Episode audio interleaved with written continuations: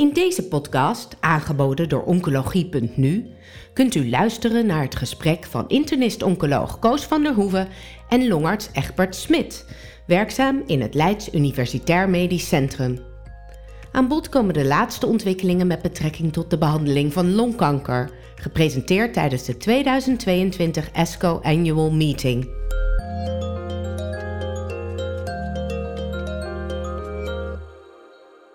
ASCO 2022, eh, longtumoren. Ik ga erover praten met professor Egbert Smit. Hij is tegenwoordig um, hoofd van de afdeling uh, longziekte in het LUMC, maar is als longarts-oncoloog ook nog verbonden aan het NKI. Welkom Egbert. Dankjewel Koos. Um, ook bij dit jaar op de ASCO was er heel veel aandacht voor immunotherapie. En um, ja, het begon eigenlijk met een, uh, een, een, belangrijke meta-analyse van meerdere studies, waarbij chemotherapie en immunotherapie met elkaar gecombineerd werden. En er werd gekeken of de PDL1-status daarbij van belang was. Wat, wat waren de conclusies daarvan, Egbert? Ja, um, eigenlijk was het zo dat de FDA een analyse deed van alle studies die bij hun waren bekeken voor registratie op de Amerikaanse markt. En wat ze gedaan hebben, is een analyse gemaakt van mensen die een hoog PDL1 hebben, dus meer dan 50%. Is de uitkomst daarvan beter met immunotherapie en chemotherapie of immunotherapie alleen? Ehm, de achtergrond daarvan is denk ik mee dat ehm, in Amerika uh, worden mensen veel behandeld volgens het zogenaamde Keynote 189 schema. Dat is een combinatie van pembrolizumab en chemotherapie. Uh, en in Europa uh, is de, In Amerika gebeurt dat dus ongeacht het PDL1-expressie. Ja. Alhoewel er ook heel veel Amerikanen zijn die vinden dat je die mensen ook gewoon met, met immunotherapie alleen zou kunnen behandelen. Ja. En Europa is het eigenlijk een beetje andersom. Daar ja. is zo dat de voorkeur uh, bij hoog PD wordt gegeven aan immunotherapie alleen. En een minderheid van de patiënten die krijgt in die setting een behandeling met immunotherapie en chemotherapie. Ja. Uh, nou, de uitkomst van, de, uh, van deze analyse van de FDA, er was toch een vrij groot aantal patiënten werd daarin uh, geanalyseerd. Ik weet het exacte aantal niet meer, maar het was in ieder geval met vier cijfers. Ja, meer dan 10.000, ja. Al meer, vijf cijfers zelfs, dus ja. meer dan 10.000. En eigenlijk was de overleving tussen die twee groepen hetzelfde. Bijna hetzelfde. Uh, als je goed keek, maar in ieder geval was er geen significant verschil in overall survival. Ja. En dat pleit een beetje voor, denk ik, voor de Europese benadering, waarin patiënten dan bij voorkeur behandeld worden met immunotherapie alleen. En dat er voor een selecte groep patiënten, uh, zij die veel symptomen hebben, een hoge, uh, hoge ziektelast, waar je dus behoefte hebt aan een, aan een, snelle respons, maar waar je vooral geen behoefte hebt aan initiële progressie, dat je die behandelt met uh, chemo- en immunotherapie. Ja. Overigens wel heel goed dat de FDA met dit soort analyses komt. Ik vind dat dat doen zij nu voor het tweede jaar achter elkaar. Ja. Ze hadden vorig jaar ook al een analyse gedaan van PDLE minder dan 50%. En zij zijn eigenlijk, naast de EMA, zijn zij eigenlijk een van de weinige instanties die, die met dit soort patiëntenaantallen uh, analyses kunnen doen. Dus daar neemt het vertrouwen wel van toe. Ja. Ja, dus eigenlijk was de uitkomst is misschien een trend dat de ja. patiënten baat zouden kunnen hebben van de combinatie, maar dat is niet significant. Klopt. Dan is er eigenlijk geen aanleiding om uh, het beleid in Nederland en dat is bij PDL1-expressie van meer dan 50% te starten. Nee. Tenzij, ja. nou ja, wat ik net zei. Ja, nu is het zo dat... Allemaal geen gerandomiseerd materiaal, hè?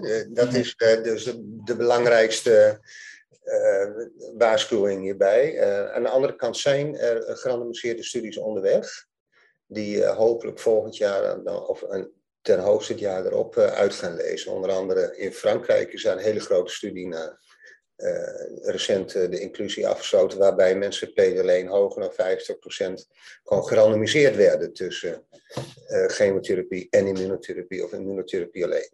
Ja, Dan is het zo dat je, je geeft aan heel goed dat de FDA dat bij elkaar zoekt en kijkt of ze daar nog meer informatie uit kan krijgen.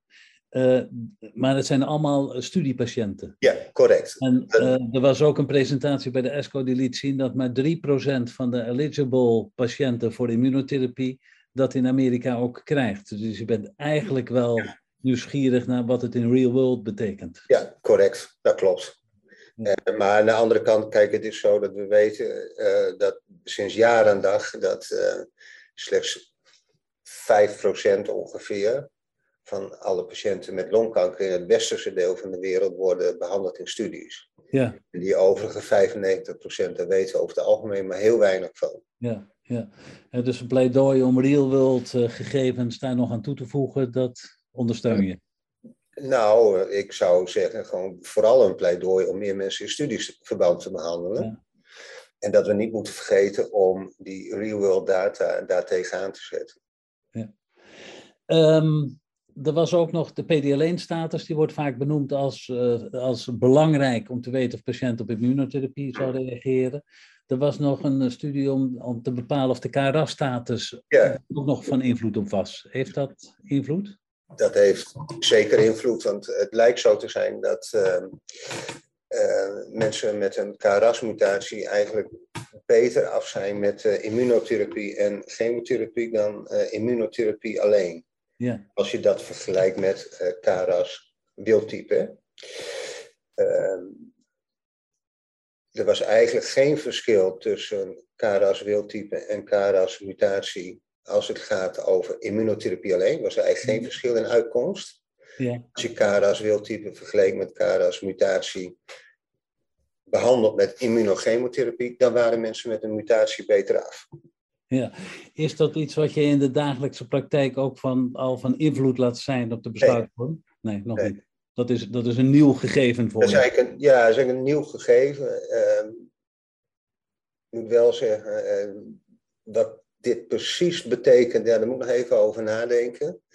Eh, want, het, want het is natuurlijk, kijk, waar, wat je eigenlijk graag wil weten, is: zijn er mensen die a priori geen respons krijgen op immunotherapie? Ja, En zijn er eh, mensen die a priori een kans hebben op een respons op immunotherapie? Dat zijn natuurlijk wel twee verschillende dingen. ja, Dus mensen met een KRAS-mutatie hebben best een kans op respons op immunotherapie. ja, ja, Alleen lijkt het zo dat de uitkomst wat beter is voor, eh, als je dat vergelijkt met wildtype, wanneer je daar chemotherapie aan toevoegt. ja. Dus hoe je die data precies moet interpreteren, dat, dat weet ik niet. Want je kunt nou niet zeggen van ja, maar mensen die een KRAS-mutatie hebben, die moet je per se behandelen met immunotherapie en chemotherapie. Want er was in deze analyse, ook van de FDA, eh, niet gekeken wat dan de invloed van PD-1 precies was. Want daar hadden ze eigenlijk te weinig eh, gegevens voor, met name in de PD-1 kleiner dan, of beter alleen negatieve patiënten. Deze dingen die vereisen waarschijnlijk toch nog wat verdere studie en wat reflectie. Maar ik wil de overstap maken naar de KRAS-mutatie bij het eh, non-small cell lung cancer. En eh, we hebben nu in Nederland ook eh, KRAS-remmers beschikbaar. Sotorasib is beschikbaar.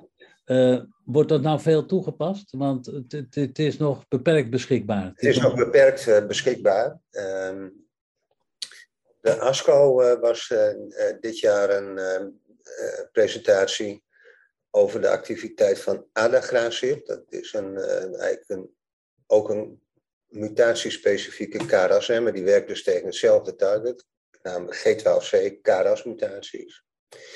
En eigenlijk was het zo, ik, had ik eigenlijk verwacht dat de uitkomsten met uh, adagrasib iets beter zouden zijn. Maar als je het naast elkaar zet, dan is er maar heel weinig verschil. Ja. Um, ik had gedacht dat het meer activiteit tegen hersenmetastase zou hebben. Dat lijkt ook wel zo te zijn, maar het, nou, dat is denk ik gewoon nog te vroeg om daar uh, iets over te zeggen. En ik had verwacht dat de toxiciteit ietsje anders zou zijn. Maar ook dat lijkt min of meer hetzelfde. Dus het enige wat die twee medicamenten uh, waarschijnlijk op de korte termijn gaat onderscheiden is gebruikersgemak.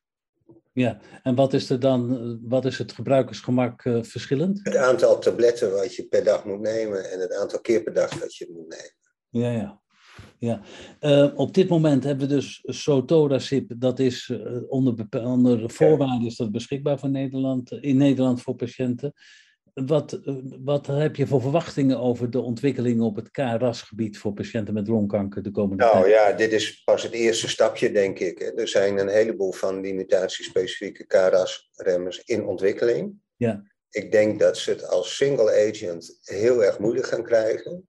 Dat we waarschijnlijk die middelen in combinatie gaan uh, gebruiken met ofwel immunotherapie. En daar zijn goede redenen voor om, om dat te doen ofwel in combinatie met uh, chemo-immunotherapie, zoals de, uh, laat ik zeggen, de FDA-analyse uh, uit, zou, uit zou wijzen. daarnaast is het zo dat er ook wat meer generieke KRAS-remming-strategieën in ontwikkeling zijn, met name de SOS-1, maar vooral de CHIP-2 remmen-combinaties. Kijk, wat we nu hebben zijn mutatiespecifieke KRAS-remmers. En nou, G12C is wel de grootste. Ja. Er zijn ook remmers voor G12V of D uh, in ontwikkeling.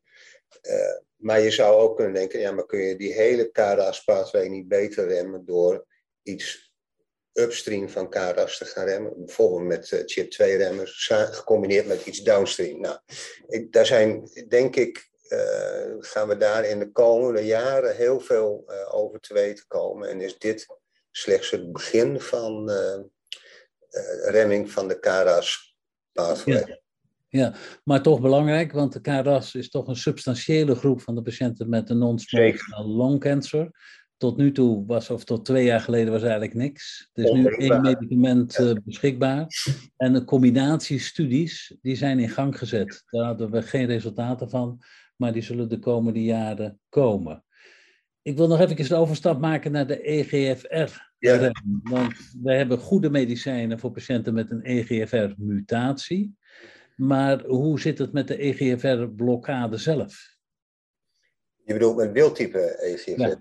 Ja, ja uh, dat, blijft, dat blijft allemaal nog heel lastig. Hè? We hadden uh, cetuximab in het verleden en necitumumab. Dat zijn eigenlijk medicamenten die heel weinig ingang hebben gevonden in, uh, in Nederland. Er was uh, deze ASCO een, een presentatie van een medicament dat heet patritumumab deruxtecan. Ja. Dat is een ADC gericht tegen HER3. Ja. Die is uh, ingezet bij patiënten met een wildtype EGFR. Uh, was een fase 2 studie, of eigenlijk een expansiecohort van een fase 1 studie. Waar bleek dat dat medicament alleen een responsrate had van zo'n uh, 25%. Ja. Um, blijft denk ik toch heel erg moeilijk om uh, het wildtype EGFR te targeten zelf. Feitelijk deed dit medicament dat ook niet, hè, want die target een, een uh, familielid uh, van uh, EGFR. Ja, de R3. Ja. R3. ik denk dat remming van wildtype EGFR, dat dat toch een stap te ver is voor de meeste patiënten met longkanker, gezien de toxiciteit die dat met zich meebrengt. Ja. Er zijn, ook op deze ASCO waren er ook weer uh, studies werden er gepresenteerd met amivantimab, weliswaar in de EGFR-mutatiesetting. Maar dan zie je ook gelijk wat, uh, wat, wat je dat kost aan toxiciteit. Want er waren 20% van de mensen met, uh, of een heel groot aantal patiënten met graad 3 diarree bijvoorbeeld. Ja, ja, ernstige toxiciteit voor patiënten. Ja, zeker. En dat hou je ook niet lang vol. Nee, nee, nee. Oké, okay, dus daar moeten we ons, daar moeten we afwachtend in zijn. Op dit moment niet en de, de, komende jaren waarschijnlijk ook nog niet. Nee. Ik kom nog even terug op een combinatie van uh, immunotherapie. De pembrolizumab, die is gecombineerd met ja. ramucirumab bij non-small cell lung cancer. Ja. De resultaten daarvan. Ja, dat was op zich een hele interessante studie van, de, uh, van het LungMap consortium. Dat is een groot consortium in de Verenigde Staten die probeert via DNA-analyse allerlei uh, clubjes mensen uh, aan te wijzen met een bepaalde mutatie en daar specifieke behandeling voor te geven. Maar ja, daar blijft natuurlijk ook clubmensen over die hebben geen uh, actionable mutatie, om het zo maar te zeggen. En die werden gerandomiseerd tussen een combinatie van pembrolizumab en ramucirumab of physician choice of, of therapy. En toen bleek er een uh, verschil in progressievrije en overal survival te zijn ten faveur van de patiënten die waren behandeld met een combinatie van pembrolizumab en ramucirumab. Opmerkelijk was wel in die studie dat in de controlearm uh, ongeveer de helft van de patiënten ook ramucirumab hadden gekregen in combinatie met docetaxel. Ja. Een beetje de, nou, een standaard van behandeling, tenminste in de Verenigde Staten er is heel veel belangstelling voor die combinatie van uh, VEGF-remming en uh, uh, PD1-blokkade of PDL1-blokkade. Er zijn nou, een hoop theoretische en ook wel in vitro gegevens die veronderstellen dat dat een gunstig effect bij, met elkaar zou hebben. Ik wil niet zeggen synergistisch, maar misschien toch wel additief. En het, ja, dat, ik weet niet of dat deze studie dat nou ondersteunde, maar in ieder geval uh, is het wel een van de eerste studies die laat zien dat uh, die combinatie van uh, eh, VEGF-blokkade en een PD-1-remmer, dat dat eh, voor patiënten van nut kan zijn. En ik, ik verwacht eerlijk gezegd dat we daar veel van gaan horen. Oké, maar dit is een, eh, een onderwerp dat, dat interessant is. Het is ja, niet weet je, Koos, ik denk, het is zo dat uh, wat we gaan horen in de komende jaren is hoe kun je uh, meer mensen laten profiteren van de effecten van immunotherapie. En dan moeten we dus iets toevoegen aan die PD1 uh, eh, of PDL1 blokkade. Ja. En daar is dit denk ik de eerste, het eerste medicament wat nou, iets van gunstige effecten laat zien across the board, zeg maar. Ja, ja. maar dat de nadere studie is daar echt voor noodzakelijk, Zeker. maar het is wel de way to go. Ik wil het overstapje nog maken naar de neo-adjuvante behandeling. Ja. Want dat met name de immunotherapie, dat zien we niet alleen bij longkanker, maar ook bij andere tumoren. Kan je nog iets zeggen over de, de, de, de studies die daarover gedaan zijn de laatste tijd bij longkanker? Dat de neo-adjuvante immunotherapie is toegepast. Ja, er is een, uh, een, uh, een van de eerste studies die daar uh, hele gunstige resultaten liet zien. Dat was van Patrick Ford een aantal jaar geleden. Maar recent zijn er ook studies gedaan met neo-adjuvante chemo-immunotherapie. Met name, ik denk dat die van het grootste belang is eigenlijk de Checkmate 816-studie.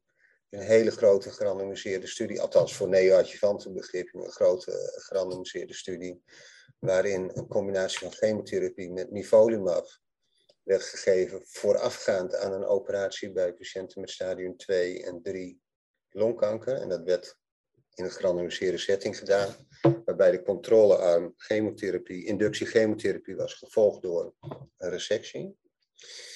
En daaruit bleek dat het aantal mensen wat een pathologische complete respons had, dat werd zo ongeveer verzesvoudigd. Dat was 4% in de chemotherapiearm en uh, nou, een kleine 25% in de chemo-immunotherapiearm. Ja. En het lijkt zo te zijn dat, die, uh, dat het risico dat de kanker terugkomt bij patiënten die een pathologisch complete respons hebben, dat dat maar heel klein is. Althans in de eerste twee jaar van de follow-up. Ja. Die, die grote gerandomiseerde studie die bevestigt eigenlijk bevindingen van uh, wat kleinere studies die uh, met name in Spanje gedaan zijn. De Nadine-studie heet dat. Waarin ook een chemo-immunotherapie-inductiestrategie werd gevolgd. En daarvan hebben we wat details gekregen op, op deze ASCO. Waar ook bleek dat, overigens was daar het pathologisch complete remissiepercentage wel wat hoger als in die gerandomiseerde uh, setting. Nou, het exacte getal weet ik niet meer uit mijn hoofd, maar de eerste berichten waren dat dat misschien wel eens iets van orde groot 50% kon zijn. Ja.